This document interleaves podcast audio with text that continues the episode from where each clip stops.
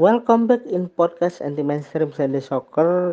Kali ini Nomo ingin membawa satu info tentang football Olympic 2020 atau cabur sepak bola di Olimpiade 2020. Olimpiade 2020 akan digelar di Jepang, tepatnya di Tokyo, yang semestinya digelar tahun lalu pada bulan Juli hingga Agustus tetapi digeser setahun kemudian di bulan yang sama nanti di bulan Juli hingga Agustus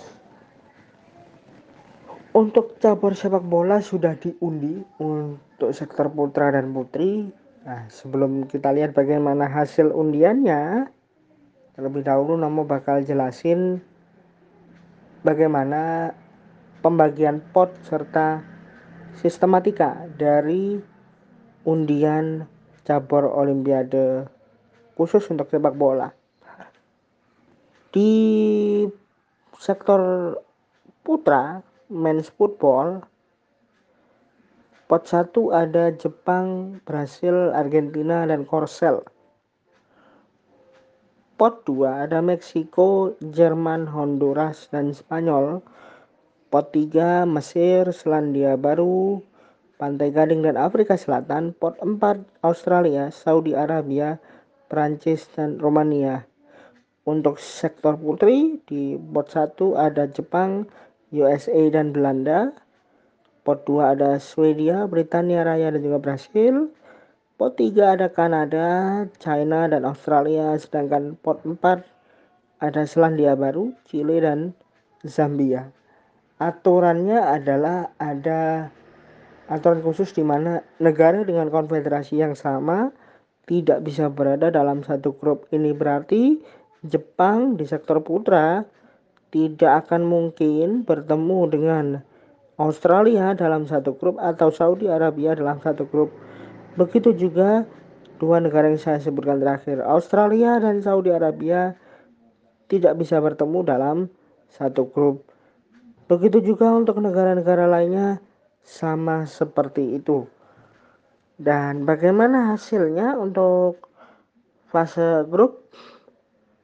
Di sepak bola putra dibagi ke dalam empat grup A, B, C, dan D. Grup A ada Jepang, Afrika Selatan, Meksiko, dan juga Prancis. Grup B ada Selandia Baru, Korea Selatan, Honduras, dan Romania. C. Mesir, Spanyol, Argentina dan Australia. Sedangkan D Brasil, Jerman, Pantai Gading dan Serbia. Itu untuk sepak bola putra. Ada atensi khusus di sini di mana dua negara yang menjadi grand finalis gold medal musim 2016 tahun 2016 di Rio de Janeiro Olimpiade ketika itu Brasil dengan Jerman bertemu lagi di fase grup Jerman mungkin akan melancarkan misi revenge karena di final waktu itu mereka dikalahkan Brasil lewat drama adu penalti. Bagaimana untuk sepak bola wanita? Aturannya sama, tidak ada negara yang berasal dari konfederasi sama bisa berada dalam satu grup. Itu artinya Jepang tidak bisa satu grup dengan Tiongkok, tidak bisa satu grup dengan Australia, karena sama-sama dari Asia begitu juga dengan Brasil tidak bisa bertemu Chile. Lalu Kanada tidak bisa satu grup dengan USA dan seterusnya. Untuk sepak bola wanita penamaan grupnya adalah E, F, dan G.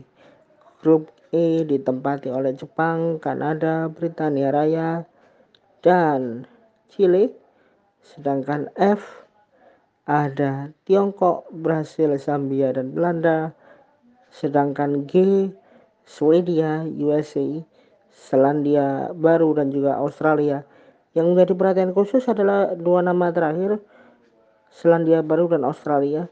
Ini adalah tuan rumah Piala Dunia Wanita tahun 2023, di mana Piala Dunia Wanita akan memasuki era baru menggunakan format 32 kontestan sama seperti Piala Dunia sektor putra dan ini sekaligus menjadi yang pertama karena Piala Dunia Wanita sebelumnya hanya menggunakan format 24 negara, 24 kontestan.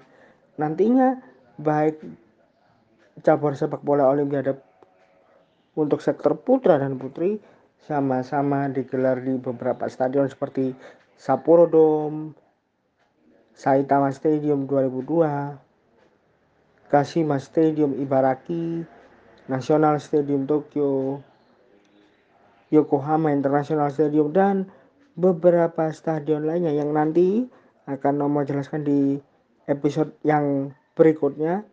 Stadion dan juga schedule game tabor sepak bola Olimpiade Putra dan Putri. Demikian sorotan hari ini.